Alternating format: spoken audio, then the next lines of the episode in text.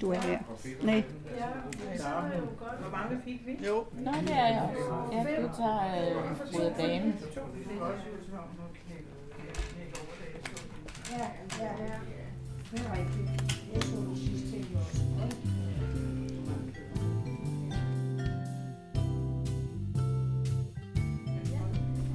Det er tirsdag eftermiddag i Grønnegade-centret. Et ældrecenter, hvor Bridgeklubben det sidste stik holder til. Inde i centrets café sidder to ældre kvinder og blander kort. De gør klar til eftermiddagens bridge-turnering.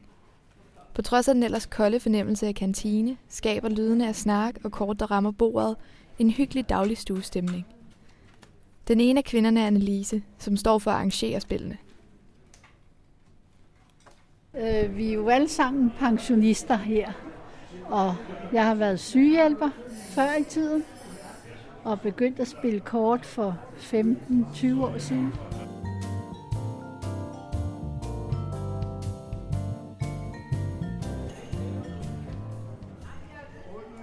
Jeg spiller med en veninde, der hedder Rita, som jeg har kendt i 40-50 år.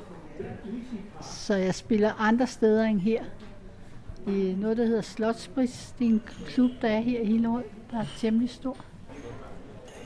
Min mand har aldrig kunne lide at spille kort, så han kommer ikke. Så der er nogle mænd og koner, men nogle gange så har de det svært ved at spille sammen. De kan blive sure på hinanden. Jeg spiller fast to gange om ugen. Ikke? Jeg havde spillet med en, som så ikke kunne mere. De er jo ældre, dem der kommer og spiller. Så går der jo nogen væk nogle gange. Annelise er meget engageret i bridge, og hun forklarer med smil i øjnene, hvorfor hun holder af spillet og bruger så meget tid på det.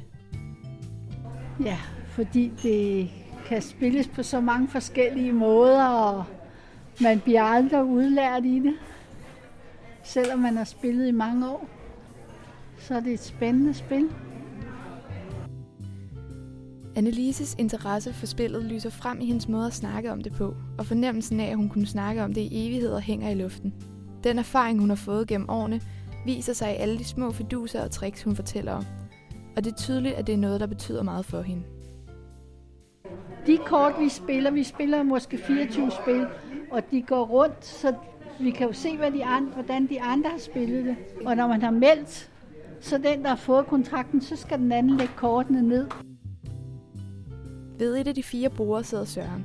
Han fortæller meget engageret om Danmarks unge bridge-landshold, og det er tydeligt, at han ikke mener, at bridge kun er et spil for ældre. Han fortæller, at det er et spil, der kræver tid og tålmodighed. Men når man først er startet, er det svært at slippe igen. Det skal man give en længere chance. Meget længere. Men øh, det er ikke sådan, så unge mennesker ikke spiller det. Der findes faktisk et ungdomslandshold, der spiller bridge. Okay, altså spiller mod andre lande i bridge. Ja, ja. Og verdensmesterskaber i ungdomsbridge findes også. Og, og vi har et ungdomshold her i landet, der spiller med der. Og de er gode måske. Ja, selvfølgelig.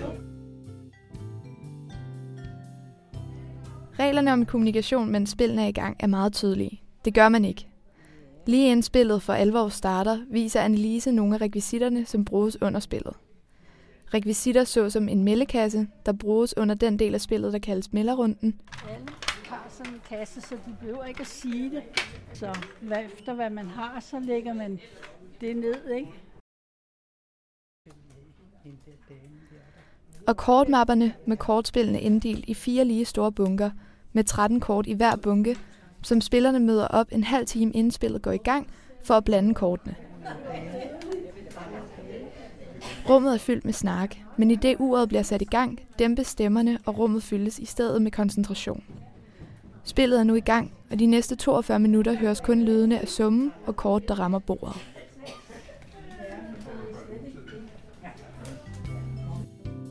Denne podcast er produceret af Anna Mao, Magnus Gringe Hansen og Rebecca Sofie Nesheim.